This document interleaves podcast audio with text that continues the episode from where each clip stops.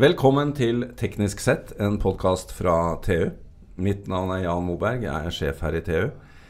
Min, eh, min faste kompanjong Odd-Rikard Valmot han er i Strømstad. Dvs. Si han er på vei hjem fra Strømstad, så han fikk ikke være med i dag. Det er sikkert eh, rekordomsetning på Systembolaget, så eh, han har nok tung bil hjem.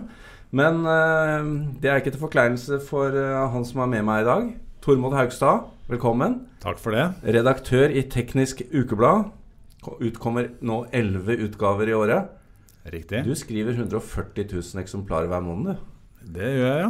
Ja. Jeg skriver, uh, skriver for 140 000 Abonnenter, abonnenter, ja. og uh, ca. 262 000 lesere. Ja, for i denne digitaliseringens tidsalder så må vi ikke glemme hvilke, hvilke kanal dette, dette månedsbladet nå er. Nei da, det er en uh, fantastisk kanal. og eh, Leserne setter stor pris på å få dette bladet en gang i måneden, og eh, håper at det kan fortsette lenge med det. Du er litt julenisse du en gang i måneden. Er det. Ja, fortsatt. Glad for det. Ja, det er vi òg. Men vi skal ikke snakke mer om bladet. Vi skal snakke om Offshore Technology Conference i Houston. Ja. Eh, vi reiste jo sammen dit. Jeg måtte reise hjem litt før deg. Men eh, det er jo spennende. Denne, denne her eh, oljemessa i Houston, som det går under betegnelsen som, den eh, har jo eksistert siden 1969. Og du har jo vært med nå en fire-fem års tid. ja. Og eh, det er altså sånn at der tropper det opp drøyt 200 nordmenn fra Stavanger og Subsea Valley og diverse. Med ordførere og politikere og næringslivsfolk og bransjefolk og alt mulig. Um, hvordan var stemningen i år? Eh, Jeg vil karakterisere stemningen som eh, kanskje litt mer nøktern enn tidligere. Det har jo eh, vært noen vanskelige år, to krevende år for alle som er involvert i oljeindustrien. Enten de er ansatt der eller at de er politikere i kommuner som har mye oljeindustri. Um, Allikevel så vil jeg vel kunne si at uh, inntrykket mitt er at uh, det er en viss optimisme nå i flere av disse eh, regionene. Uh, og jeg snakket også med flere bedrifts, bedriftsledere. Uh, Bl.a. Ingebrigt Aarbakke fra Stavanger og K. Lund fra Stavanger. Og de var begge ganske optimistiske nå med tanke på at de har fått mer å gjøre enn på mange måneder. Og så har de vel da i løpet av de siste par årene kuttet voldsomt med kostnader. da. Det har de gjort, eh, og det er sikkert eh, noe de eh, kanskje har godt av å gjøre også. Det har jo vært vokst på seg enormt med kostnader i industrien. og Det gjelder jo da spesielt oljeselskapene og disse utbyggingskostnadene som har vokst enormt. og Alle er vel egentlig enige om at det var viktig og helt nødvendig å kutte dramatisk. Eh, og nå er, nå er liksom alle opptatt av at det ikke skal vokse på seg igjen i like stor grad som det gjorde Ja, før. det er jo enkelte som mener at uh, altså 100 dollar fatet husker vi jo som en sånn uh, fantastisk drøm tilbake Mm. i tid. At noen mener at 50 dollar er det nye 100 dollar. At Ja. man nå har klart å skape like, eller ganske mye lønnsomhet på 50 dollar. Ja. Det må jo være kostnadskutt, stort sett. Ja, det er det. Og, og eh, nye planer og ny teknologi ikke minst, som har gjort at de nå klarer å lage lønnsomme utbygginger på kanskje helt ned til 35 dollar, slik eh, Aker BP har klart på Ivar Aasen, og slik eh, Statoil ønsker å gjøre på Johan Castberg. Og, og nordover, hvis det skal skje. 35 dollar, ja. Da begynner du å halvere deg i forhold til før. Da begynner du å halvere deg. Men, men frem, fortsatt så er det slik at det er store utfordringer med tanke på eh, hva slags nivå oljeprisen vil bli liggende på. Eh, de fleste som vi snakket med der nede, mener jo at denne oljeprisen vil komme opp igjen på et eh, nivå rundt kanskje 60-70 dollar en gang om, om to eller tre år. Men eh, det er jo ekstra stor usikkerhet i markedet nå pga. eh, denne skiferproduksjonen som vi hørte mye om eh, når vi var der borte nå. Ja, Den kommer vi tilbake til, for det er jo faktisk et, et nøkkelelement i, i utviklingen Ja. framover. Men før vi går så langt. Norske selskaper, Houston. Uh, dette er jo betegnet som verdens største oljemesse. Uh, tidligere så dro uh, vi dit som nordmenn for å kjøpe teknologi som vi kunne bruke i Nordsjøen. Nå er det jo i høy grad norske selskaper som drar dit for å prøve å selge sine teknologiske løsninger. Og det er jo utrolig spennende. Ikke bare det, men under denne her eh, OTC 2017 så blir det delt ut en eh, sånn tech-pris som heter Spotlight. Mm. Og der var det altså fire norske selskaper som nådde fram. Mm. Fortell. Ja, eh, det er ganske fantastisk at eh, det var altså 17 eh, vinnere totalt sett, og, og fire av disse 17 selskapene var da norske. Det er bra representasjon. Det er veldig god representasjon. og, og Nå har norske selskaper fått en tilsvarende pris stort sett hvert år, men jeg tror det er sjelden at det har vært fire selskaper på én gang. Denne prisen heter Spotlight on New Technology Award og er å regne som en slags oljeindustriens Oscar-pris. Um, vi kan nevne noen av de selskapene som fikk pris, bl.a. Fuglesang Subsea, som er et uh, tradisjonsrikt uh, industriselskap på Oslos østkant, som uh, har utviklet en undervannspumpe, autonom sådan. Um, det er en pumpeløsning som gir da enklere utvinning, uh, enklere, altså en økt utvinning på en enklere og billigere måte. Det er ganske fascinerende når du kan, du kan øh, fortelle lytterne hva som var øh, produktet til Fuglesang for mange mange år siden. Ja, det var jo da sovepose. Ajungelak soveposer. Et stykke derfra til Det er helt riktig. Så det har vært en enorm eh, skifte der i produkter. Og viser jo for så vidt da hvordan industrien kan snu seg til, til nye produkter. Um, andre selskaper som fikk pris, var Tekni, som er et lite selskap i Børre i Vestfold. Eh, De fikk pris for en ultralydbasert sensor som eh, de har jobba med i ti år. Eh, og egenskapen til denne sensoren er at den da gir mye mer eksakte data om trykk og temperatur i dette utilgjengelige ringrommet, som det heter, som ligger da nede i produksjonsrøret. Eh, og som, som eh, kan være farlig. Hvis det da oppstår gasslekkasjer i dette ringrommet, så kan det ende med utblåsning. Nå er du bokstavelig talt dypt nede i teknologien. Ja, Men, men dette, dette er jo også superspennende, og som du nevner, en mange mange år med utvikling. Dette selskapet har vel for øvrig også levert til eh, et annet prestisjeprosjekt. Ja da, det, det viser jo at det er en veldig sånn grenseoverskridende selskap eh, som leverer til flere bransjer. De har levert eh, en, en eh, instrumentracket, altså en eh, elektronikk eh, til eh, Lockheed Martins eh, produksjon av F-35. Den nye jet, jetfighteren vår. Ja, Det er jo helt fra himmel til langt ned i borehullet. Det Så litt morsomt var det jo da for disse som representerte selskapet på OTC, at de kom rett fra Lockheed Martins fabrikk i uh, Ja, vi begynner Dallas. å ane et samspill. Ja.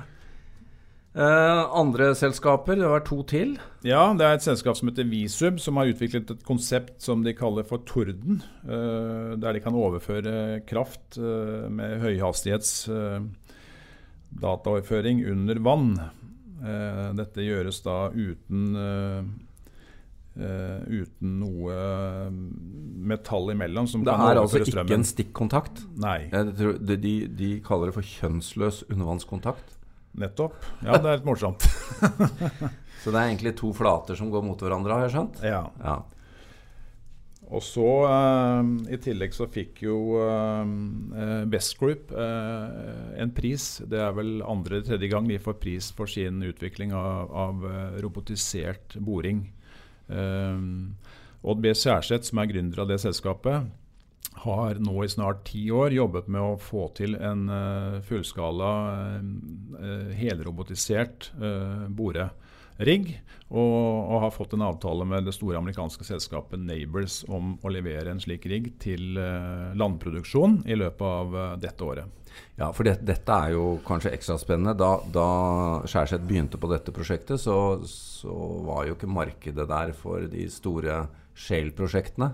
Eh, men det som skjer nå, er vel at eh, Neighbors, som du sier, da, er interessert i å få denne riggen ut på de store innenlands shale-fracking-prosjektene i bl.a. Texas. Ja. Og Det det er er, jo- jo å snu Det er jo en fantastisk mulighet for, for, den, for det selskapet. Absolutt. Uh, og det er klart at det er mye lettere å få til robotisering på land enn det er på offshore. Men, men som Skjærseth sier, det er fullt mulig å bruke denne teknologien også offshore etter hvert. Men uh, Tormod, eh, mens vi er inne på Shale ah, Først og fremst gratulerer til disse fire selskapene. Det er jo utrolig å nå opp i et sånt heat. Men eh, tilbake til Shale. da I Texas er det noe som heter Permian Basin, eller noe sånt, hvor de stikker et eh, rør i bakken og Ja. litt, litt enkelt sagt. Men i løpet av to uker så har de altså drillet et hull. Mm. I løpet av to-tre uker til så har de fått på produksjonen. Dette er altså fra de setter borekrona i bakken til det er produktivt kanskje en fem uker. Mm. Og det er inntjent i løpet av noen få uker. Det må jo være en kjempetrussel eh, mot den, eh, i hvert fall norsk utbygging i nordområder som tar årevis å få til. Mm.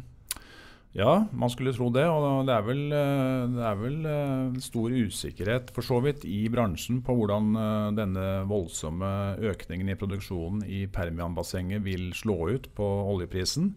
De fleste analytikerne som jeg har sett, regner med at dette kan bli en ny standard for oljeprisen, slik at den blir liggende på et lavere nivå enn tidligere. Og Da kan den true også utbygginger i Barentshavet. Dette er jo et enormt basseng som er ca.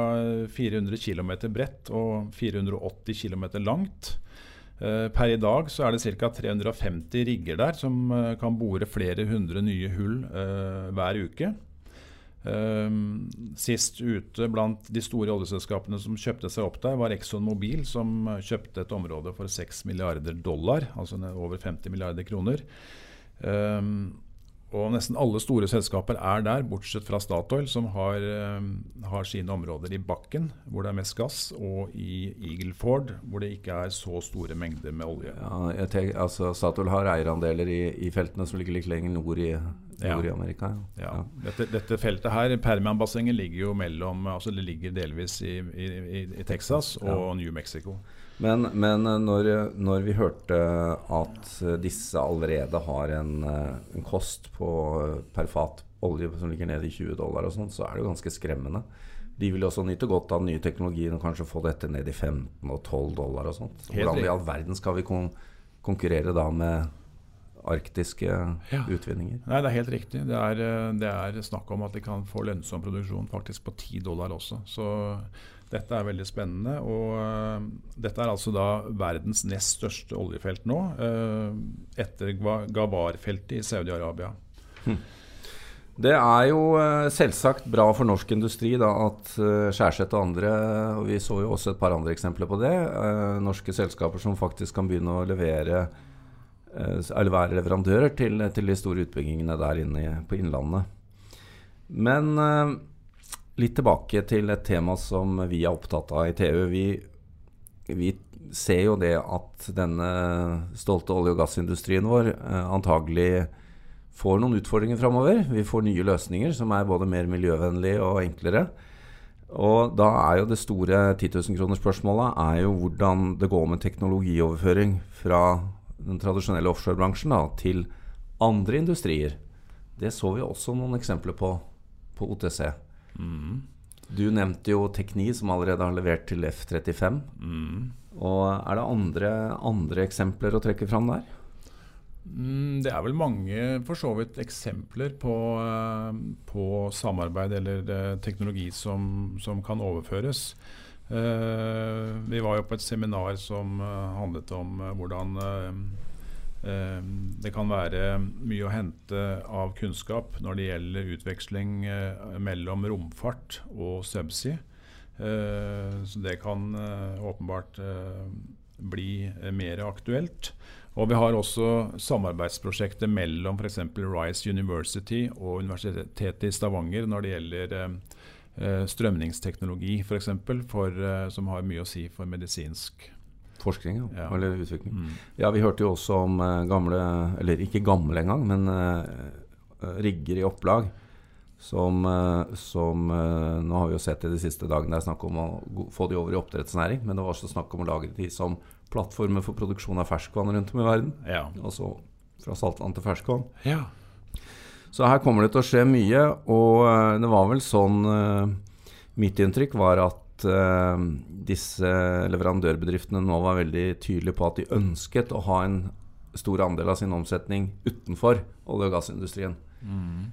Vi snakket vel også med et selskap fra Notodden som var inne både i Bluetech, altså dette med, med å bruke utstyret sitt til både havforskning, opprydding og den type ting. Mm. Og til og med eh, forlenge varigheten av mat.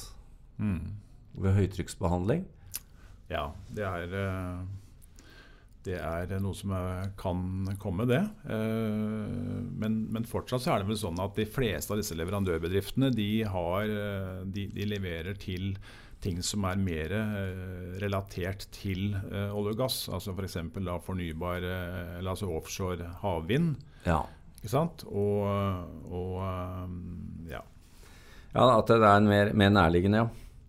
Men det er ingen tvil om at uh, vi er i en brytningstid, og uh, vi som følger norsk olje og gass på Instagram, vi ser jo disse flotte solnedgangsbildene fra, fra Nordsjøen. Det ser jo både romantisk og miljøvennlig ut. De, mm. de legger jo ut fantastiske bilder. Mm. Men uh, selv i norsk olje og gass med Skjøtt Pedersen i spissen, så er det ikke bare fryd og gammen for dagen. Nei, de har fått store økonomiske problemer. Uh, og det er jo egentlig å forvente, i og med at også da deres medlemsbedrifter har fått såpass store kostnadsutfordringer og, og, har måttet kutte i bemanning og kostnader. Uh, og Norsk olje og gass er jo en, en arbeidsgiverorganisasjon som er finansiert av oljeselskaper og leverandørbedriftene på litt, litt ulik basis. Uh, men det er vel også en organisasjon som har vokst stort i antall medarbeidere. Uh, og som uh, Det er litt tæring etter næring der òg? Ja, som, som, nå må kutte dramatisk. Men du har jo nevnt det før, Tormo. Det vakte jo litt oppsikt at de ikke omtrent var med på OTC i år? Ja, jeg syns det var litt uh, pussig at ikke det var uh, mer enn én representant fra Norsk olje og gass til stede der. Ja, det var to fra Teknisk Ukeblad, i hvert fall en og en halv, da. Ja. Jeg måtte reise litt tidlig, men Du, helt avslutningsvis, jeg må spørre deg. Hva er det mest eh, spennende historien eller inntrykket du kommer hjem med etter OTC i år? Den, på, den ble avslutta fredag forrige uke, så dette er rimelig ferskt. Ja, det er, det er, mange ting som er spennende. Eh, jeg tror en av de tingene som sitter, eh, sitter igjen hos meg, er et foredrag av Charles McConnell, som er direktør for et uh, miljø- og energiinitiativ ved, ved, Rice University, og som har vært en rådgiver i energispørsmål for Obama-administrasjonen. Uh, for han var ikke veldig mye optimistisk med tanke på f.eks. da en mer miljøvennlig energiproduksjon i USA. Og han konkluderte bare med at, til forsamlingen om at dere må se ut av Se dere rundt i Houston og se hva slags biler folk kjører, og hvor mange biler det er. Uh, det var ikke mange Teslaer å se? Det var, jeg så faktisk ingen Teslaer. Så dette er en kultur som uh, det tar lang tid å endre når det gjelder da, i retning av en mer miljøvennlig transport. Og eh, det var vel også sånn at hvis Texas hadde vært et land i verden, så hadde det vært verdens tiende største økonomi. Det er riktig. Og det har vel litt med olje og gass å gjøre. Ja. Tormod, takk for en flott oppdatering. Vi regner med at vi kommer tilbake om et år. Da har du vært der igjen.